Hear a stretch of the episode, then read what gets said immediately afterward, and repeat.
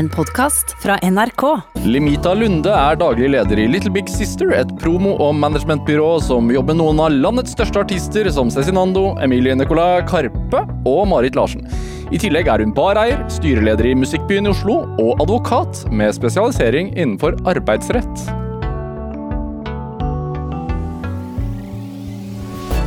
Dette er Drivkraft med Vegard Larsen i NRK P2. Limita Solveig Maria Rodriges Lunde, velkommen hit til Drivkraft. Tusen takk for det. Det er litt av et navn. Det er litt av et navn. Eh, Det er min eh, eh, min halvt vestlandske og halvt portugisiske navnetradisjon, rett og slett. Ja, hv- hv- Hvilken side er vestlandsk? Fars side er vestlandsk, Sunnfjord, og mors side da portugisisk med litt indiske aner eh, baki der. Oi, såpass? Ja, klassisk kombo. Ja. er det uh, Er du i Portugal mye? Nei, Uh, det er jeg dessverre ikke. Nei. Eh, men hvordan har du det i disse dager? I disse tider Jeg har det etter forhold da ganske bra. Ja. Det er mitt Litt fyllesyk i dag, sa du. litt, litt fyllesyk i dag. Eh, så veldig eh, lugn oterstemning eh, i livet. Ja. Ja. Jeg føler det. Jeg føler lugn oterstemning i livet. Hva er det for noe? Nei, det er bare et bilde på, på hvordan man har det i, eh, i stemningen. At eh, hvis man er i en lugn oter, så chiller man. Ja, ok. Det bra. Jeg føler det er sånn Når, når det kommer en person med så mange eh, bein plassert i så mange deler av musikkbransjen, så er det veldig sånn treffende at man har drukket litt vin eller øl dagen før. ja. ja, det er veldig stereotypisk. Ja. Eh, altså Du jobber som daglig leder i, i Little Big Sister, eh, som jeg var inne på her. Eh, hvordan har eh, koronanedstengningen prega dere? Dere er et kjempestort selskap, men dere jobber jo med mange store artister. Absolutt. Eh, vi skulle jo hatt eh, Gabrielle, Cezinando, Emilie Nicolas, eh, Emma Steinbakken og Sval skulle jo alle ut og spille konserter, og B-Boy Myhre. Akkurat så, nå. Ja. Ja. Eh, så når festivalsommeren ble sletta eh, her om dagen, så, eh, så var det jo veldig mange eh, i apparatet, altså penger, som går tapt, da Ja. i form av honorar. Eh, og vi lever jo av eh, prosenter av våre artister sine inntekter. Så ja, det, det er ikke god stemning på bankkontoen om dagen. Men, men hvordan var det i, i mars, da når ting ble stengt ned? Altså, fordi man forsto ikke med en gang hvor langvarig det skulle være. og hva, hva, hva gikk gjennom hodet deres? Nei, altså eh, vi, vi gikk gjennom alt ifra dette her varer noen uker, eh, så det er bare å holde pusten litt. Eh, og fortsette å jobbe til eh, nå må vi revidere budsjettet vårt og fjerne alle liveinntekter resten av året. Og hvor viktig er liveinntektene? De er veldig viktige. Det er en stor del av økonomien til, eh, til en artist og til et management og et, et bookingsystem og ehm, alle teknikere, crewet Ja. eh, Absolutt eh, hele økosystemet blir, eh, blir rocka ved. Men når man altså sitter som et altså managementbyrå, så skal man jo være en støtte også. Man skal være en skulder for artistene. Absolutt. Så Eh, hva sier man? Nei, man må, man må det som det er. Eh, og så må man eh, prøve å rekalibrere og tenke hvilke andre føtter har vi å stå på. Eh, hvor, hvor kan vi hente inn inntekter som ikke er livebaserte? Og hvordan kan vi rigge oss for den dagen vi får lov til å spille igjen? Ja. Hvil- Hvilke andre inntekter er det? Altså, man har jo eh, merchandise, man eh, håper jo at folk streamer låter. Um, man kan gjøre litt sånn brand partnerships. eh, Noen kan gi ut ei bok, f.eks. Um, så det er Ja, det fins heldigvis andre inntektskilder òg, men det er helt klart at live er det en største part der. Tror du at det er sånn at mange artister er nødt til å få seg andre jobber for tiden? Ehm, ja, det tror jeg. Og det er jo forskjell på om man eh, er en stor artist og kanskje har eh, penger på bok, mm. og, eller om man er en, eh, en up and coming artist som kanskje uh, har eh, finansiert musikken ved å f.eks. jobbe i bar. Eh, så da, når barene stenger og man ikke har inntekter verken på live eller, eller i, i, den vanlige jobben, mm. i gåsetegn, så, så, blir det jo veldig tøft. Ja. Hva, hva, men hva når altså Man snakker jo om nå at nå er det jo åpnet for 50, 50 personer i publikum. Mm. Hvordan, hvordan, funker det egentlig? Nei, altså Det er jo helt tullete. Det funker jo på en måte ikke. Eh, Hvis, du skal, hvis du skal ha 50 personer på en konsert på Rockefeller det blir jo for det første ekstremt store tap eh, rent økonomisk. Ja, For husleie og alt som er, ikke sant? Ja, ja, ja. Og, eh, og det, det, vil jo være utrolig glissent for publikum, og det blir utrolig kjip opplevelse for en artist å stå og spille for Eh, for 50 personer i en så stor setting. Og så er jo det det der med at du skal stå en meter fra hverandre. Hvordan skal man håndheve det? Det blir, blir veldig rart. Så jeg føler at den 50-grensa 50 er nok litt mer sånn 50-årslag og, og, kanskje noe bryllup og litt mer sånn familiære, mindre seminar, kanskje. Men det er ikke, det er ikke et tall som fungerer i, i musikken. Nei. Har dere fått sånne henvendelser? I, i større, altså Takket ja til det i større grad nå? Eh, nei, vi, eh, vi, prøver å sitte litt eh, rolig i båten og, og, og avvente litt. Nå vet vi jo at det kanskje blir anledning å, å åpne opp for 200 ja. um, fra 15.6, så vi får se. Eh, der har vi fått en god del henvendelser som vi fortløpende vurderer. ja, men ingenting er landa. Men det er sånn, altså, jeg, jeg har jo vært på en del konserter, og 200 mennesker er jo en del. Men hvis man skal ta den der énmeterregelen Ta hensyn til den, og det er toalettfasiliteter, det er bar altså, et, rett, altså du, du, har, du, har, drevet uh, konsertsted selv, uh, Parkteatret i Oslo, og nå sitter du med, med artistene. Og samtidig så, som advokat så representerer du jo uh, norske konsertarrangører. Altså, hvordan, hvordan, skal det la seg gjøre? Plex, Nei, plexiglass? Ja, det er jo et logistikkhelvete, for å si det rett ut. Ja. Det, er, det, blir tøft og, og et hennet lys for alle konsertarrangørene som må, som må, rett og slett forholde seg til dette nå. Mm. Eh, fordi de har jo kanskje ikke noe alternativ, ikke sant. Eh, man må prøve å få inn inntekter der man kan. Mm. Så det blir, det blir, vanskelig. 2020 blir nok ikke det året som alle trodde eh, det skulle bli. Nei, Hva, hva trodde dere? Nei, altså Vi trodde jo at 2020 skulle bli et ekstremt bra år. Um, både kreativt og kunstnerisk um, og økonomisk. Så, så, det å på en måte kutte uh, estimert omsetning til kanskje en tredjedel. Ja. Det er dramatisk. Ja. Mm.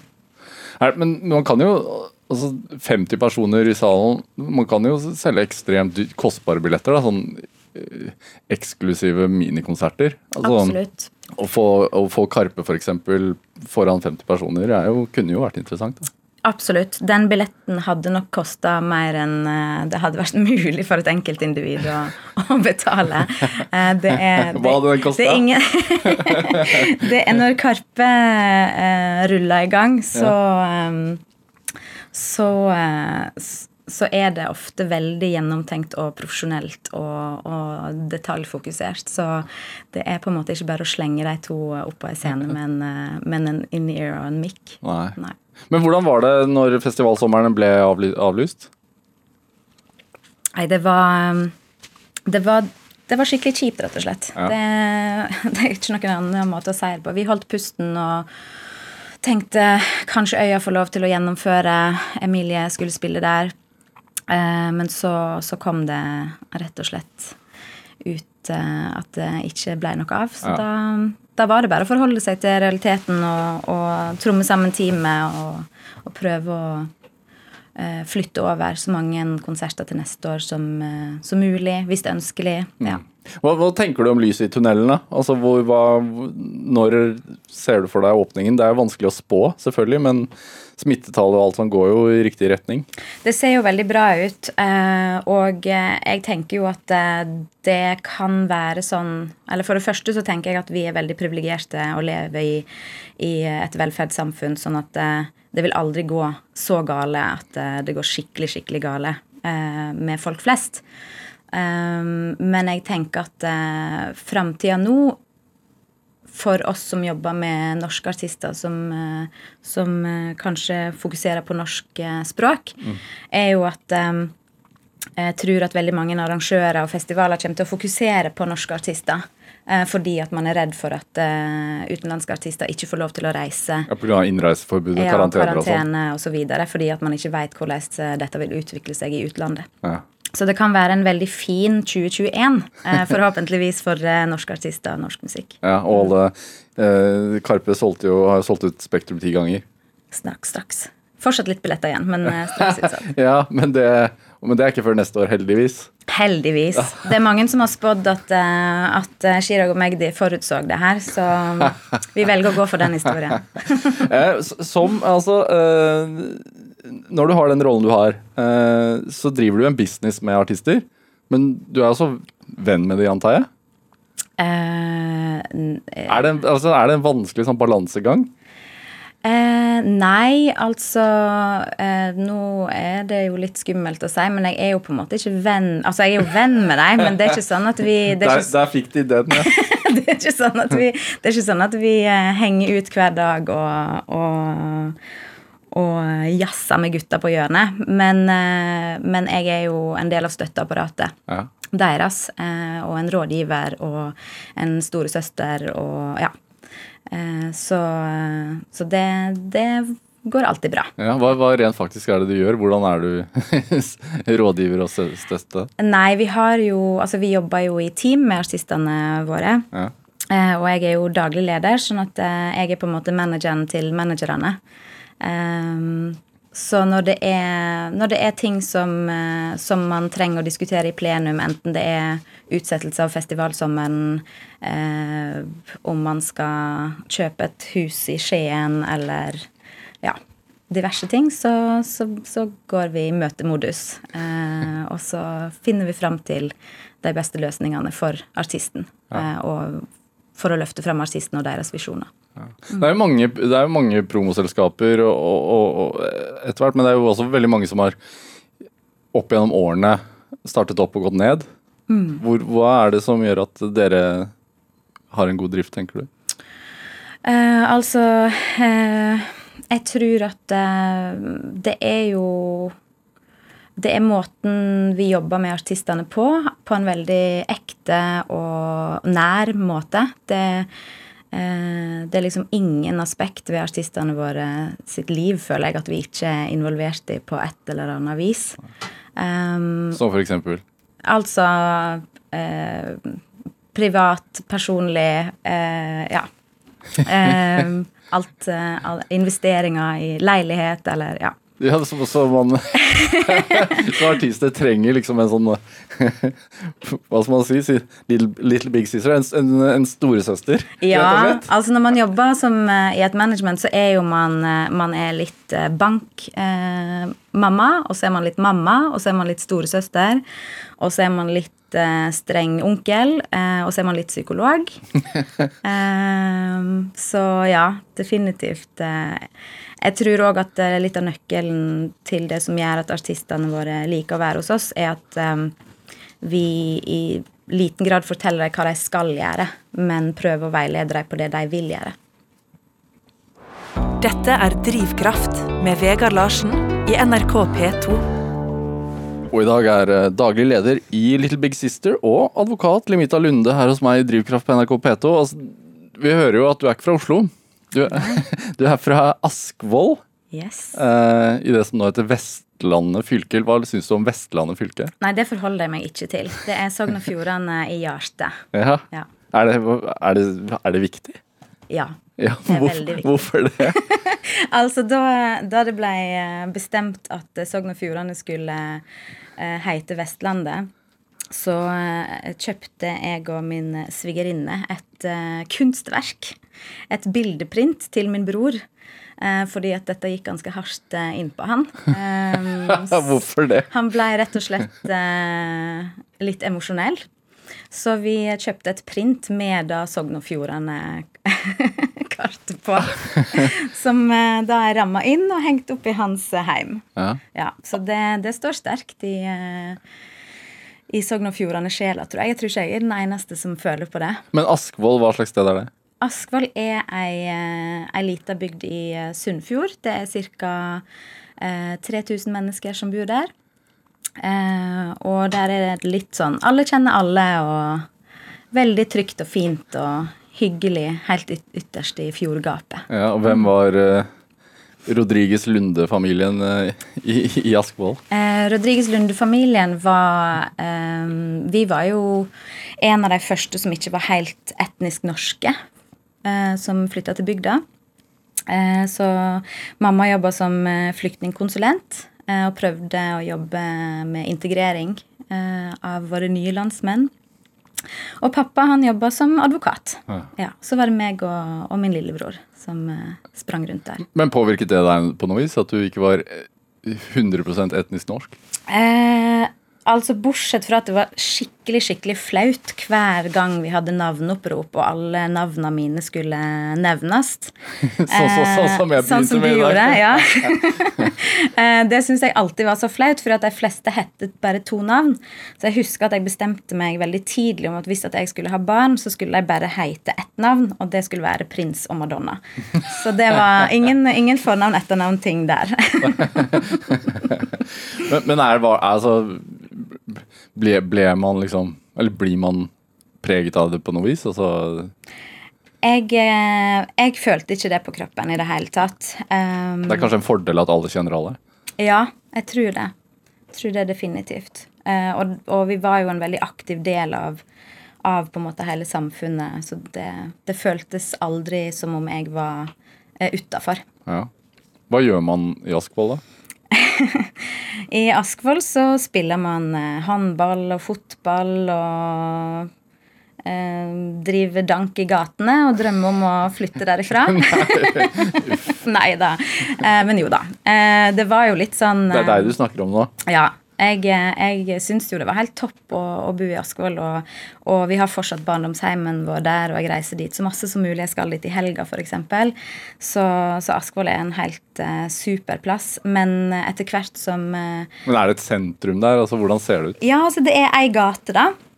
Uh, og så er det um, ei kirke. Og så er det noen dagligvarebutikker. Eh, og så er det um, på en måte bindeleddet SON, eh, der eh, alle bilene og folka møttes. Ja, fordi bensinstasjoner blir altså sånne møteplasser. Ja, det blir det. Så eh, Hvor mye har du hengt på Essoen? Veldig masse. Veldig masse. Uh, hang på SON, og der var jo en telefonkiosk, og ringte SUS-telefonen og spurte om masse rare spørsmål. Og ja, nei, det har vært eh, masse SO-henging generelt uh, på, på den eh, sjappa der, ja. Men når du da beskriver at man drømmer om å flytte derfra, hva var det du tenkte at du kunne få et annet sted som du ikke fikk der, da? Um, det var jo bare mer liv. Mer liv, eh, mer musikk, mer folk.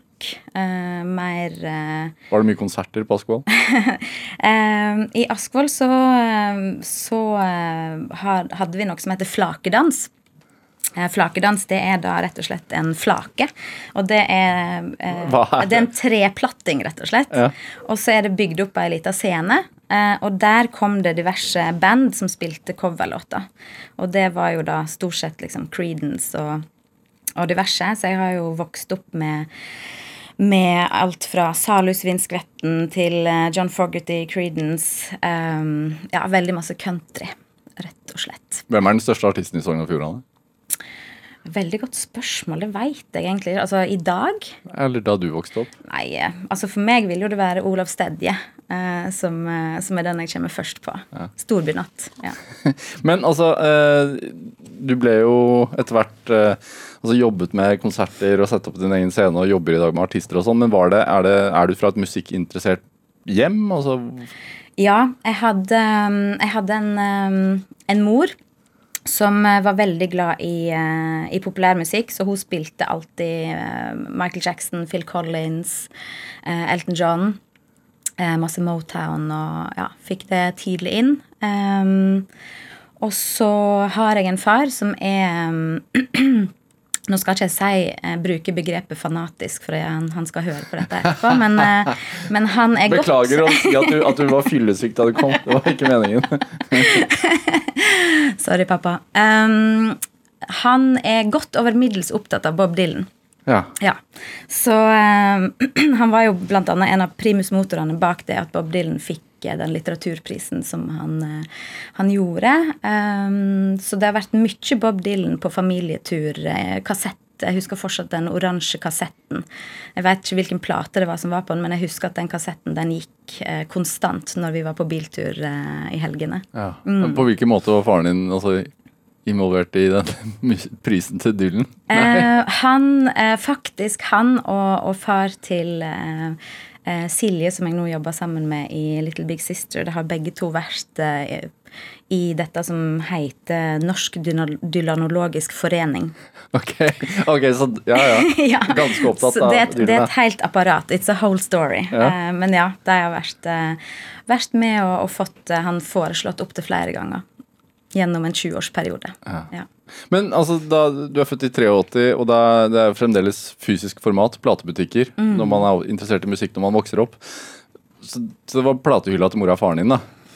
Ja, det var det. Og så hadde jeg eh, Mamma og pappa var jo yrkesaktive i stor grad begge to, så jeg hadde to bestemødre. Som òg hadde veldig masse sang. Eh, lærte meg masse sang. Alt fra barneviser til eh, eh, ja, alt mulig. Jeg tror best jeg faktisk lærte meg noen tyskerviser eh, i sin tid. Men eh, det var det, og så husker jeg at eh, Eh, jeg husker at eh, vi hadde noen naboer i, eh, i Askvoll. Og de, eh, de hadde barnebarn som bodde i Bergen.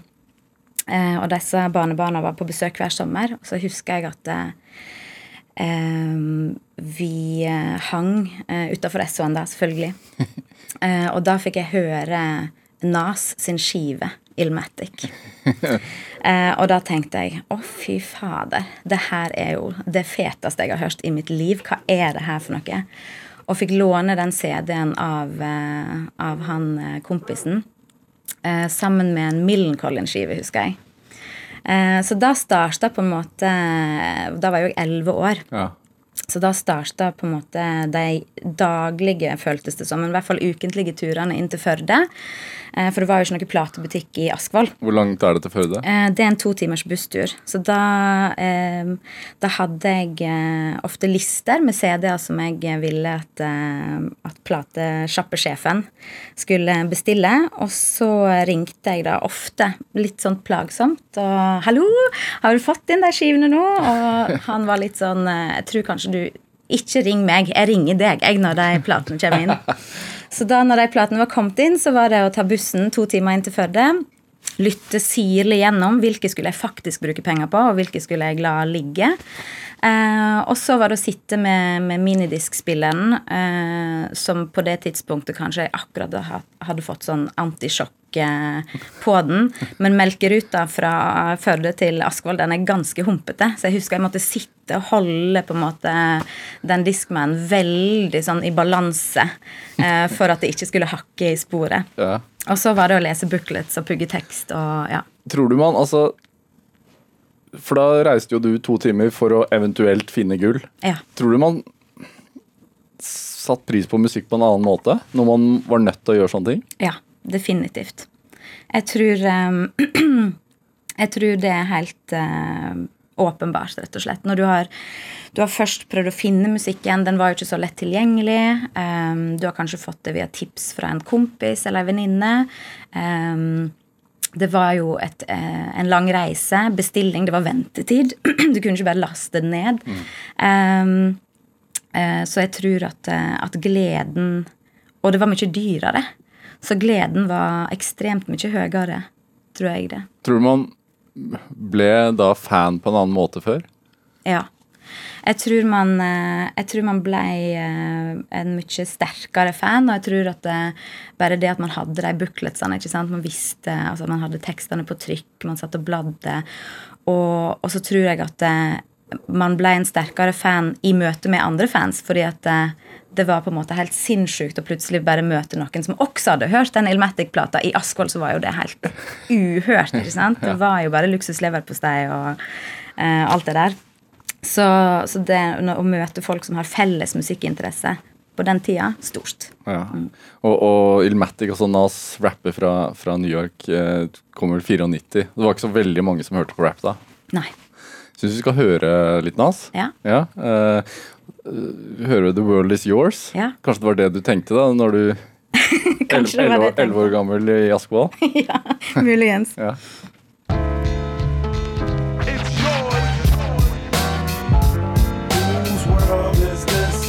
World is yours. The world is Mine, yours. it's mine, it's mine. Whose world is this? It's mine, it's mine, it's mine. Whose world is this? The world is yours. The world is It's mine, yours. it's mine, it's mine. I sip the dumb is watching? Gandhi till I'm charged and writing in my book of rhymes. All the words past the margin. The whole of mic I'm throbbing. Mechanical movement, understandable smooth shit that murderers move with. The thief's theme. Play me at night, they won't act right. The fiend of hip hop has got me stuck like a crack pipe. The mind activation, react like I'm facing time like Pappy Mason. With pins I'm embracing. Wipe the sweat off my dome, spit the phlegm on the streets. Suede Tim's on my feet makes my cipher complete. Weather cruising in a six cab. I'm on Taro Jeep, I can't call it. The beats make me falling asleep. I keep falling, but never falling six feet deep. I'm out for presidents to represent me. Say what? I'm out for presidents to represent me. Say what? I'm out for dead presidents to represent me. Whose Me. world is this? The world is yours. The world is It's mine, yours. it's mine, it's mine. Whose world is this? The world is yours. The world is It's mine, yours. it's mine, it's mine. Whose world is this?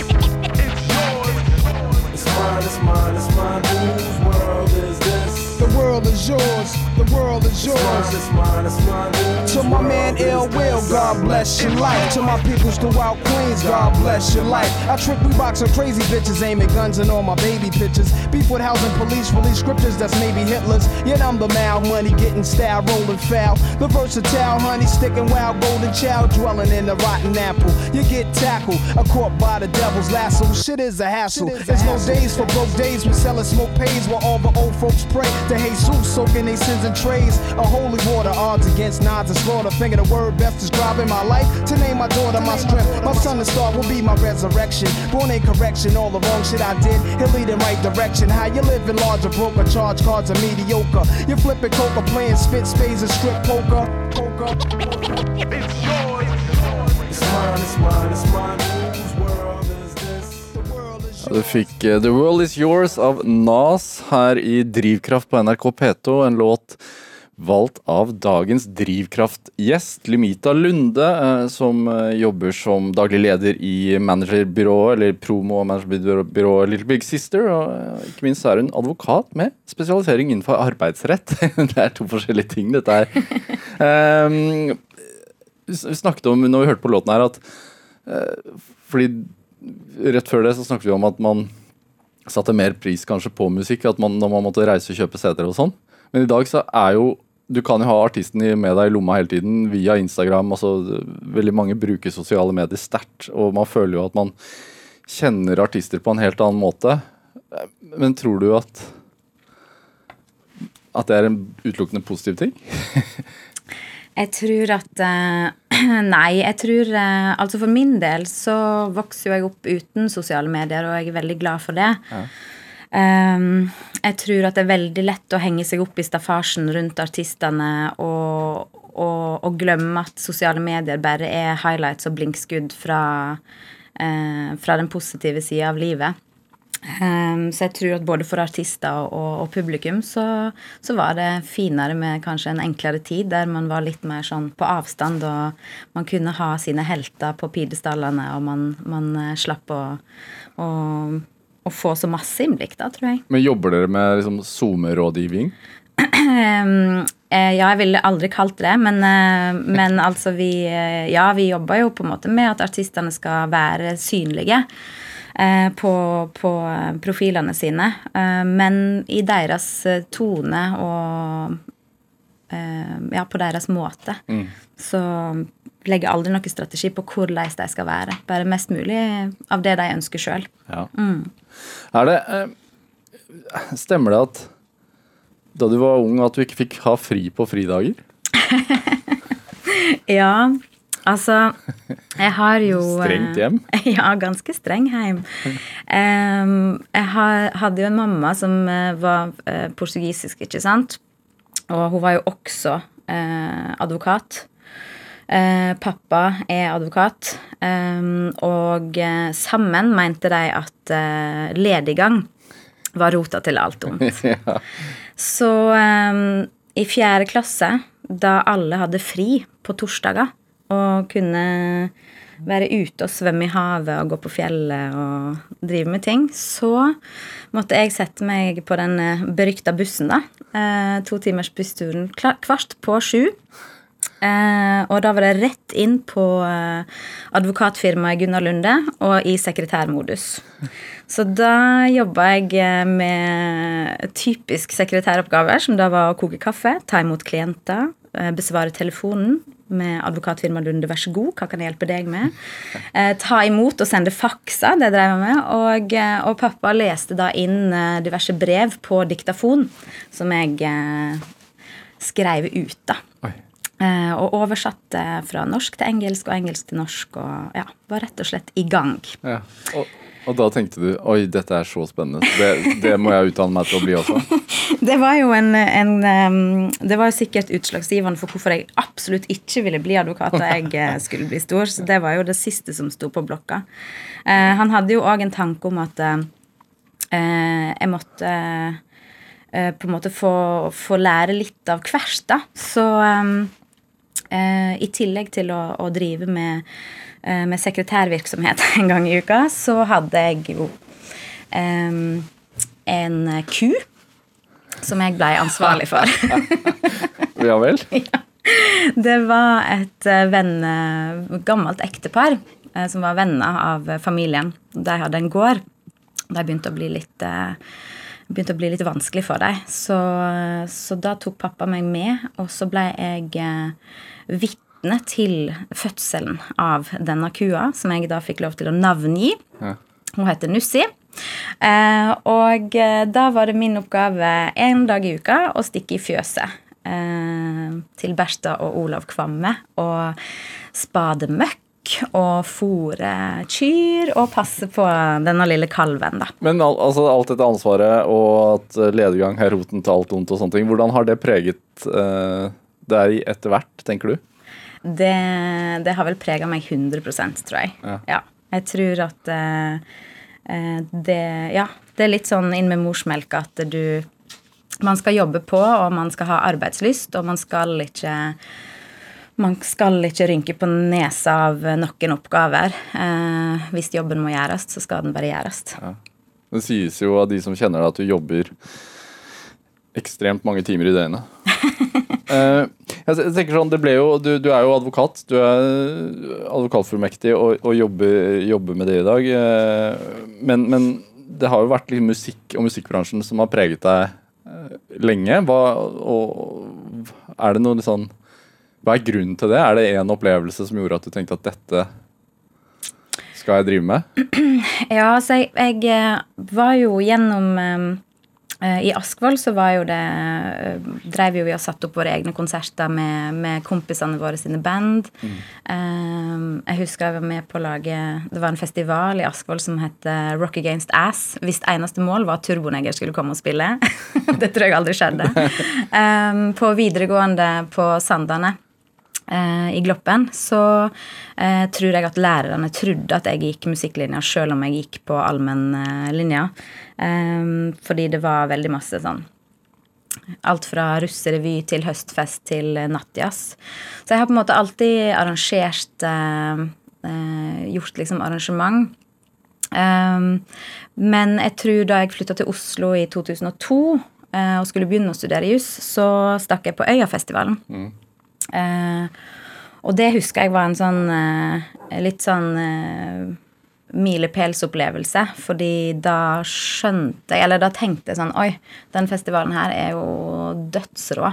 Eh, og liksom framstår veldig veldrevet, og det er veldig god stemning, og her har jeg lyst til å jobbe. Så eh, påfølgende året så meldte jeg meg som frivillig. Det er veldig gøy at du drar Første gang du er på Øyafestivalen, så tenker du ikke Wow, for noen enormt flotte musikkopplevelser. Det er liksom Dette er velorganisert. Skikkelig nerd. ja, det, Ja, køen går flytende. Det her er herlig. tar eh, under 30 sekunder å tappe en øl. Veldig bra jobba. Ja. Nei, um, så da, um, da fant jeg bare ut at eh, det ville jeg gjøre, så jeg verva meg sjøl som eh, frivillig. Og da fikk jeg jobb som solskinnspatrulje sammen med en god venninne. Og da var dealen at vi skulle jobbe to dager og få to dager fri. Så ehm, da kjørte jeg altså rundt i tolvtimers økter med trillebår. Og på den tida så var jo livet litt mer fritt, så vi hadde jo sigaretter og ikke økologisk eh, snop, og det var ikke måte på, som vi da, og solkrem, som vi da forsynte de frivillige med på Øyafestivalen. Det var jobben. Det var jobben. Ta vare på de frivillige. Så, um, så etter det så fortsatte jeg bare. Og så endte det med at jeg har jo jobba der i 15 år. Er det, med tanke på det med frivillighet eh, Jeg leste et innlegg du skrev om frivillighet eh, i Finansavisen, eller hvor det var. Eh, er det Er det at organisasjoner som baserer seg på frivillighet og idealisme, er det bare en god ting? Jeg mener jo Jeg mener jo at det svaret er ja. Jeg tror at jeg tror at det er, god, det er en god læring å jobbe for ingenting, på en måte. Um, jeg tror det er karakterbyggende, og så tror jeg at eh, det å jobbe som frivillig, det skaper et eh, samhold. Eh, jeg skulle aldri vært foruten alle de frivillige timene jeg har hatt. Hvordan er det karakterbyggende?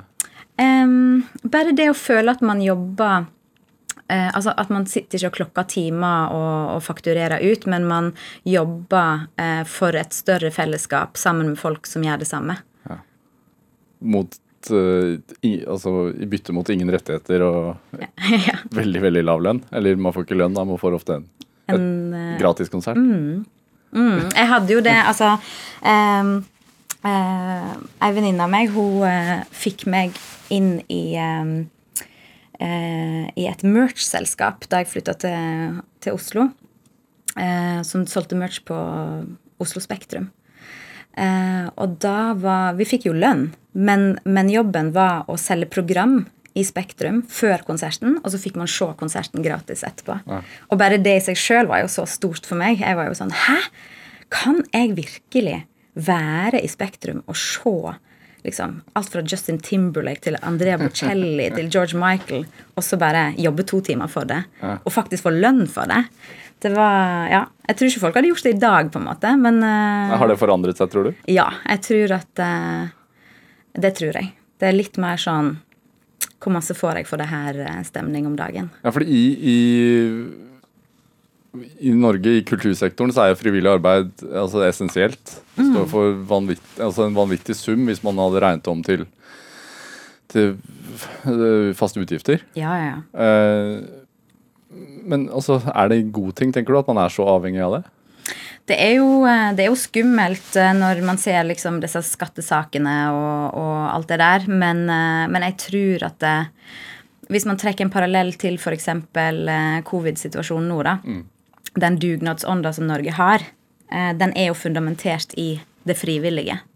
Eh, folk er vant til at når det, altså dugnad er et slags magisk ord i Norge. Når du sier det, så er det sånn bring, Oi, nå skrur vi på eh, godhetshatten vår, og så jobber vi sammen. Så jeg tror at jeg tror at det er med på å, å bygge karakter, som sagt. Og jeg tror at det er tror det er viktig. Og, og tallene tilsier jo at 80% av Norges befolkning eh, jobber, eller har jobba som frivillig i løpet av, eh, av livet sitt. Så kanskje uten frivillighet så ville man aldri hatt den eh, R-en under én i dag. Nei, det, kanskje ikke. Men er det sånn Altså, du jobber jo med arbeidsrett som, som advokat. Ja, jeg jobber med både arbeidsrett, eh, personvern, ja. immaterielle rettigheter. Ja. Og man mister jo rettigheter som frivillig. Det er ikke noe HMS-reglement. Jo da, eh, jo da man, eh, man er, man er innafor HMS-en når man er frivillig. Man er forplikta til det som arbeidsgiver. Men er det mye utnyttelse, tror du? Altså, jeg har ikke opplevd det. Um, jeg tror at eh, før, altså Kanskje for 10-15 år siden så tror jeg kanskje at svaret var ja. Men, eh, men i musikkbransjen i Norge så ser man en ekstremt stor profesjonalisering. Eh, og spesielt HMS har vært, eh, har vært fokusert på i, tungt i ti år. Så jeg tror at folk er veldig flinke til det. Men har du selv bare gode frivillige opplevelser, da? Når du har jobbet 15 år på Øyafestivalen? eh, Ja, jeg har, eh, jeg har jobba på mange festivaler og mange arrangement. Og selvfølgelig, det er jo noen som er flinkere enn andre. Jeg skal ikke oute de som er skikkelig dårlige, men de fins, de òg. Dette er Drivkraft med Vegard Larsen i NRK P2. Og i dag er eh, daglig leder i Little Big Sister, Limita Lunde, her hos meg. Parkteatret i Oslo eh, er eh, en veldig viktig konsertscene i landet. En ganske liten scene. Yes. Eh, og du begynte jo nesten der som frivillig òg. Eh, Holdt jeg på å si. Ek ekstravakt. Altså, du det, det var en scene som holdt på i mange år. Eh, det er en tidligere kino. Bygde om til konsertscene og bar på Grünerløkka i Oslo. Eh, og du ble daglig leder der som 27-åring? Eller noe sånt? Jeg lurer på om jeg var 4-5-26. Ja. Eh, og stedet gikk med dundrende underskudd. Yes. Visste du det? Nei. Nei? Nei, altså em, Jeg hadde jo levert masteren min i 2009 og, og var drittlei av uh, juss. Og tenkte at nå måtte jeg ta et sånt uh, Eat, Pray, Love-aktig år og bare chille helt ned. Eh, og så eh, eh, var en god venn av meg barsjef på Parkteatret og sa at kanskje du skal søke på, på den jobben som, som nestleder. Det var et vikariat på ett år. Istedenfor å være advokat, da? Eller, Ja, Så tenkte jeg at ett år, utsette voksenlivet med ett år, det høres veldig fristende ut. Så jeg søkte på den jobben, og så fikk jeg da jobb som, som vikarierende nestleder og skulle produsere eh, alt det som skjedde. Og så, eh, og så eh, ble jeg da daglig leder eh, i august det samme året. Og da viste det seg at fra forrige år så var det et underskudd på 3,1 millioner. Og da var utfordringa skal man begjære oppbud, slå seg konkurs, og si takk og farvel til de 60 ansatte som jobber der, eller skal man prøve å, å redde skuta? Så da tok eh, jeg og min makker Dan hverandre i handa og eh, hadde en gentleman's handshake på at eh, vi skulle prøve. Det kunne ikke gå så masse jævligere enn det det var per da, så, så vi måtte prøve.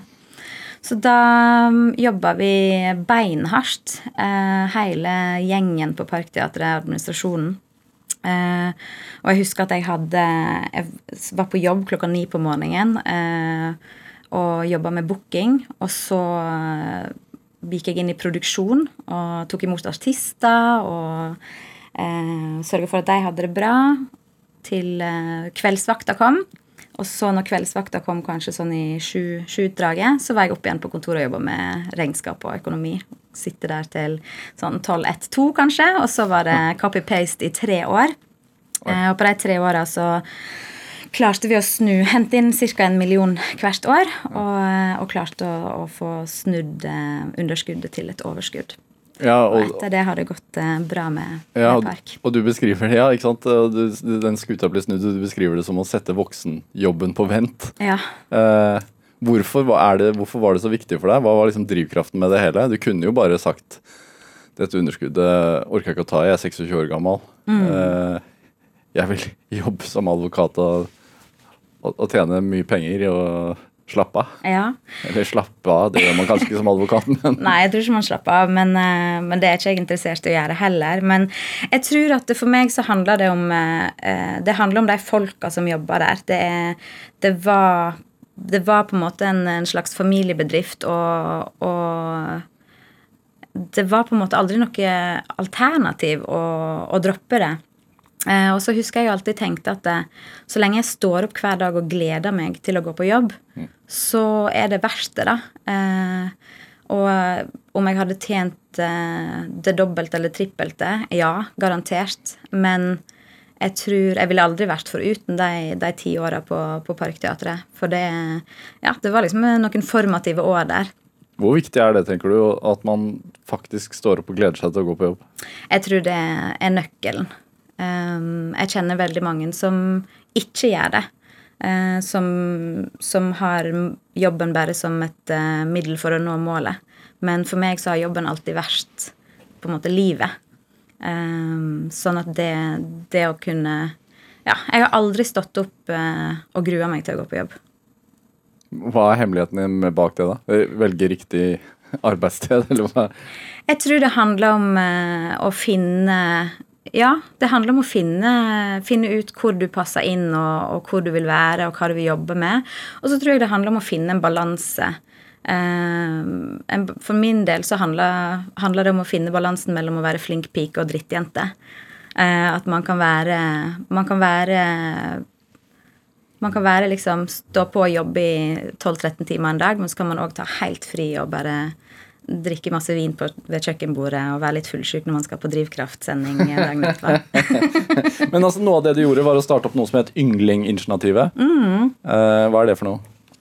Yngling det er en konsertrekke for uh, de under 18 år. Um, jeg hadde jo på en måte ingen gode alternativ eh, til min musikksmak da jeg vokste opp uh, når det gjaldt konserter. Så da jeg begynte på Parkteatret, så visste jeg at jeg ville starte et tiltak for, eh, for eh, ungdom. Der de kunne se aktuell eh, og relevant musikk. For hva var alternativet for dem, foruten det? På, eh, før Yngling så var det jo vel litt eh, forskjellig eh, men det var mye mer sånn fritidsklubbasert. Jeg husker Øyafestivalen satte opp en turné der de hadde Lars Vaular og Kvelertak tror jeg, som reiste rundt på de forskjellige klubbene. Um, men for meg så handla det alltid om at eh, jeg ville jo være voksen når jeg var kid. Ja. Så det at, eh, det at eh, Jeg ville jo gå dit de voksne gikk, så, så tanken var at vi skulle la ungdommen komme til Parkteatret og la dem få oppleve en konsert uten vafler og ballonger og liksom klovner og bare alt det fjaset. De skulle komme dit, og det, skal lukte øl, og det skal være vakter, og det skal være ekte liksom, lyd- og lysfolk på jobb, og det skal være sikkerhet, og det skal være fett. Um, så Eh, Så vi brukte et år på å gå opp den ruta. Hvem ville vi gjøre dette for, hvorfor og hvordan? Um, og så uh, satte vi opp de første konsertene med, eh, med Honningbarna, eh, Mikael Paskolev og Casa Murilo. Og på de tre konsertene så kom det over 600 kids. Og da skjønte vi at eh, oi, nå Det her trenger liksom Oslo. Og så har det, eh, det prosjektet har jo blitt til inspirasjon for, for hele bransjen. Det har jo blitt en, en ting, og mange som har spurt om de kan få bruke ynglingnavnet og gjøre de samme tinga. Eh, så eh, det begynte, og, og folk har begynt å lette på aldersgrenser på konsertscener som har 18-årsgrense. ja, Det har vært en veldig bra, bra ting for, for ungdommen først og fremst, eh, men for artistene som får møte sine yngste fans. Eh, ja, rekruttering, på en måte. For det er jo gjerne sånn at det er i sånn 14-15-årsalderen at man opplever musikk sterkest. Hvorfor er det sånn, tror du? Nei, jeg leste et studie om det der at, eh, at eh, fra 14 eh, til 18 så er du veldig eh, mottagelig for, for musikk.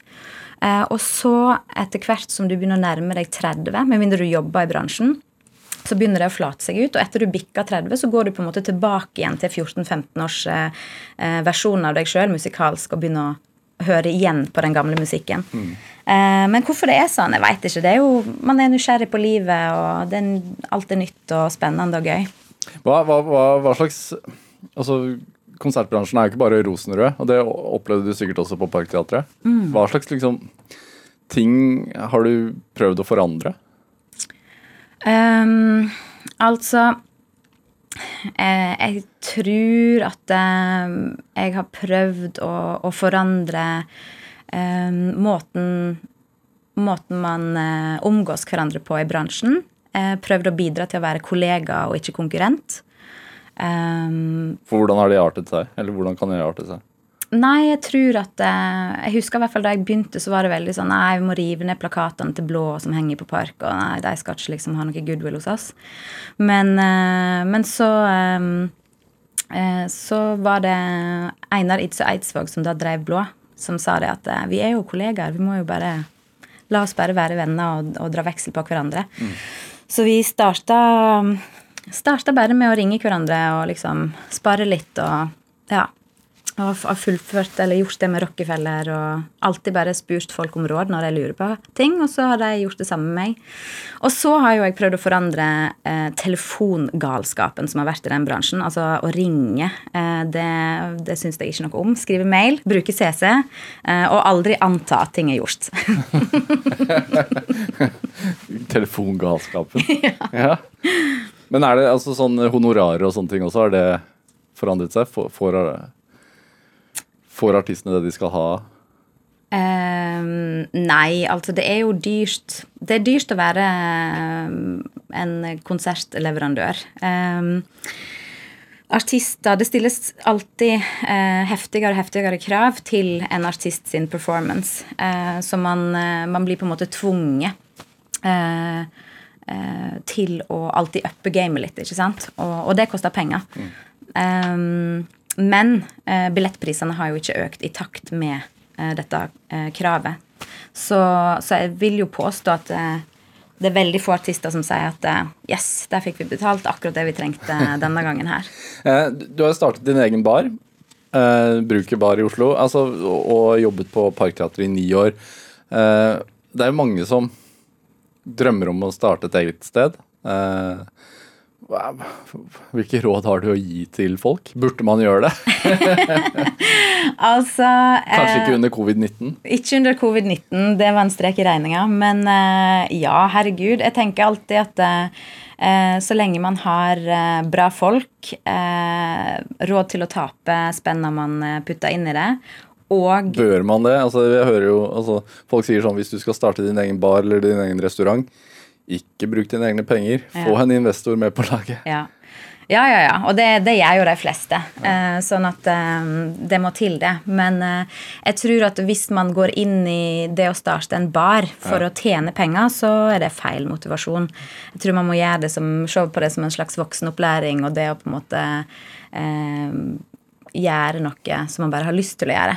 Eh, og også forvente at når du tror at du kommer til å jobbe så masse, så kan du tidoble det antallet timer du tror det kommer til å gå med. Ja, hvordan fungerer det sammen med privatliv? Eh, nei, altså det, Man er jo avhengig av å ha tålmodige, tålmodige venner og familie når man skal drive på sånn der. ja. Er det ehm, Jeg tenker vi snart skal, skal høre en låt til som du har med, eh, men, men denne timen går mot slutten, og jeg må jo spørre hva, hva er det som er drivkraften din? Det er et veldig vanskelig spørsmål. Jeg tror Jeg tror at drivkraften min er å, å eh, Drivkraften min er å kunne eh, med hånda på hjertet si at jeg står opp hver dag og gleder meg til å gå på jobb. Og det å jobbe sammen med folk jeg liker, for å eh, skape en konsert eller eh, utvikle noe, eller på en måte ja, lage noe kreativt. Bare utarbeide whatever det måtte være, men få en drøm til å gå i oppfyllelse. da. Men er det fellesskapet viktigere enn Fellesskapet er kjempeviktig. målet? Ja. Mm, definitivt. Eh, Du har med Stereo og Emilie Nicolas, som dere jo representerer. Yes. Skamløs egen promo. Ja, men, det, men det er ikke derfor du har den med? Nei. Ehm, jeg har med den låta fordi at eh, det er en som Opera ville sagt, en full circle moment. Um, Parkteatret var en av de første som booka Emilie ehm, til den lille scenen på 120 kapasitet.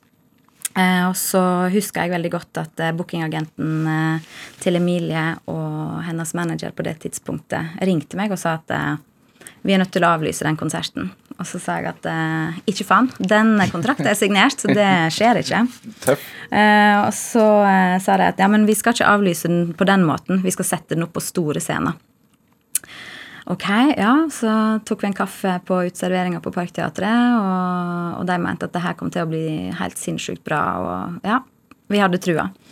Og så satte vi, satte vi opp den konserten, og den solgte jo ut eh, som bare det. Og jeg husker at jeg var på jobb den dagen, og Emilie var der og var ganske nervøs. Eh, og da fikk vi på en måte Eller jeg fikk i hvert fall en, en veldig sånn sterk heiafølelse for eh, Emilie. Og har fulgt hennes karriere med lupe ever since. Eh, og nå eh, får jeg lov til å sitte og være en del av management-teamet hennes. Så det føles, eh, det føles veldig sånn fint og, og riktig. Tenker du at musikk kan forandre et liv? Ja, det, det tenker jeg. Eh, Limita Lunde, tusen takk for at du kom hit til Drivkraft. Tusen takk. Kjartan Aarsand var dagens produsent. Ruth Elise Henden bidro også til denne sendingen. Hør flere samtaler i Drivkraft på NRK på nett, eller last oss ned som podkast. Send oss også gjerne tips om mennesker du syns har imponerende drivkraft. Send e-post til drivkraft-nrk.no. Vi hører veldig gjerne fra deg, og her får du også to minutter, to korte minutter med stereo av Emilie Emilie Nicolas. Ha det godt.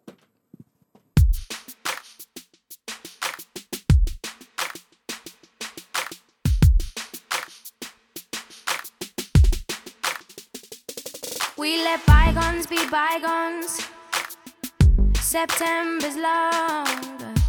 We light a candle and wait for dawn. Nights under the trees.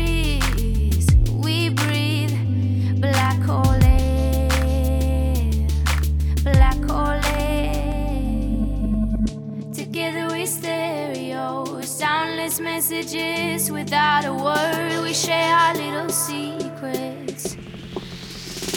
I think we are.